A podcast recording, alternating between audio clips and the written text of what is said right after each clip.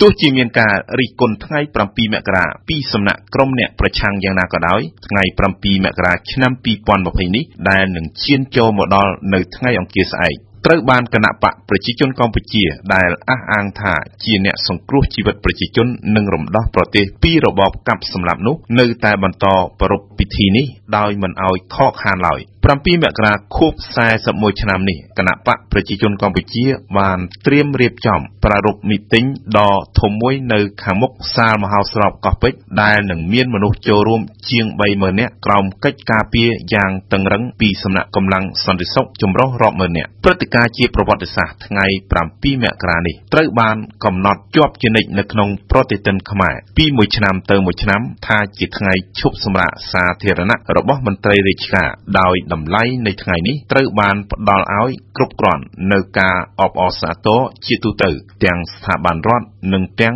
វិស័យឯកជនគណៈបកប្រជាជនកម្ពុជា បានឆ្លៀតយកថ្ងៃ7មករានេះរំលេចឲ្យឃើញនៅគុណបំណាច់របស់ខ្លួនក្នុងការដណ្ដើមជីវិតប្រជាជនខ្មែរពីក្រញាំប៉ុលពតផ្ដើមចេញពី7មករានេះគណៈបកប្រជាជន បន្តរំលេចពីប្រវត្តិនៃការកសាងប្រទេសឡើងវិញ ចាប់ពីបាតដៃទទេរហូតធ្វើឲ្យមានការអភិវឌ្ឍមកទល់នឹងបច្ចុប្បន្ននេះ ទោះថ្ងៃ7មករាគឺជានិមិត្តរូបនៃការផ្ដួលរំលំរបបខ្មែរក្រហមក្តីតែគណៈបកប្រជាជនកម្ពុជាទើបតែប្រកាសសន្តិភាពពិតប្រាកដកាលពីឆ្នាំ1998ប៉ុ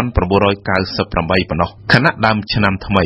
2020នេះសារនយោបាយអគុណសន្តិភាពត្រូវបានបន្លឺឡើងប្រងព្រាតដោយចាប់ផ្ដើមពីលោកនាយករដ្ឋមន្ត្រីហ៊ុនសែន ទោះជាក្នុងអំឡុងពេល30ឆ្នាំ40ឆ្នាំឬច្រើនឆ្នាំទៅមុខក្តីថ្ងៃ7មករានេះមើលទៅមិនអាចស្ថិតនៅក្នុងបេះដូងក្រុមអ្នកប្រឆាំងរដ្ឋាភិបាលដែលដឹកនាំដោយគណៈបកប្រជាជនទេ ព្រឹត្តិការណ៍23តុលាដែលជាថ្ងៃខ្មែរគ្រប់ពណ៌សម្បុរគ្រប់និន្នាការនយោបាយចុះកិច្ចព្រមព្រៀងសន្តិភាពទីក្រុងប៉ារីបានคล้ายជាកម្មវត្ថុរបស់ក្រមប្រឆាំងរដ្ឋាភិបាលនិងជាទុនក្នុងការជជែកវែកញែកនៅពេលដែលមានការសួរពីថ្ងៃប្រវត្តិសាស្ត្រនិងគុណបំណាច់តាក់ទងទៅនឹងការសង្គ្រោះនិងនាំមកនៅសន្តិភាពជូនប្រជាជននិងប្រទេសកម្ពុជា។ ក្រុមអ្នកប្រឆាំងនឹងថ្ងៃ 7 មករា ជានិច្ចកាលតែងចាត់ទុកថាថ្ងៃ 7 មករា គឺជាថ្ងៃដែលកងទ័ពវៀតណាមចូលឈ្លានពាន និងកាន់កាប់ប្រទេសកម្ពុជា ហើយពួកគេ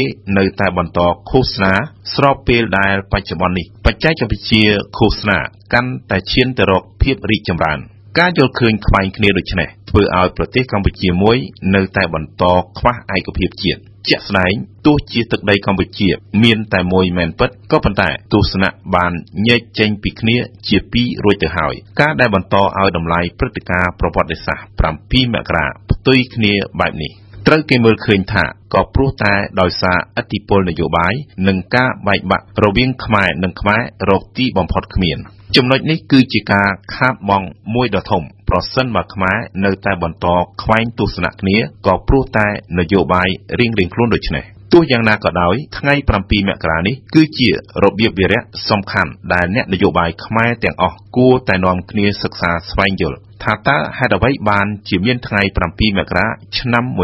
1979នេះឡើងចំណុចនេះខ្មែរគ្រប់និន្នាការនយោបាយគួរតែរំលឹកឡើងវិញនិងដាក់ជាសំណួរជុំវិញការកើតឡើងនៃរបបខ្មែរក្រហម ក៏ប៉ុន្តែចំនួនរវាងខ្មែរនិងខ្មែរគ្មានទីបញ្ចប់នេះបានបង្ហាញជាបទពិសោធន៍រួចមកហើយចាប់តាំងពីទសវត្សរ៍ឆ្នាំ70មកដែលព្រឹត្តិការណ៍នយោបាយរុញប្រទេសកម្ពុជាឲ្យធ្លាក់ចូលទៅក្នុងរបបវាលពិឃាត ប្រជាជនខ្មែរច្រើនលាននាក់បានបាត់បង់ជីវិតទទួលរងទុក្ខវេទនាព្រាត់ប្រាសនារីគ្នាយ៉ាងឈឺចាប់បំផុតដូច្នេះការដែលមិនមានឯកភាពគ្នាតាក់ទងទៅនឹងការទទួលស្គាល់ការពិតដែលជាសច្ចធម៌ប្រវត្តិសាស្ត្រខ្មែរគ្រប់និន្នាការ គួរតែត្រូវបញ្ឈប់ ហើយងាកមករកដំណោះស្រាយរួម គឺការផ្ដល់សម្បទានទស្សនៈឲ្យគ្នាទៅវិញទៅមក ដើម្បីរក្សាទុកនៅឯកសារប្រវត្តិសាស្ត្រច្បាស់លាស់នានា សម្រាប់ជាបទពិសោធន៍ និងជាមេរៀនដល់កូនខ្មែរជំនាន់ក្រោយ។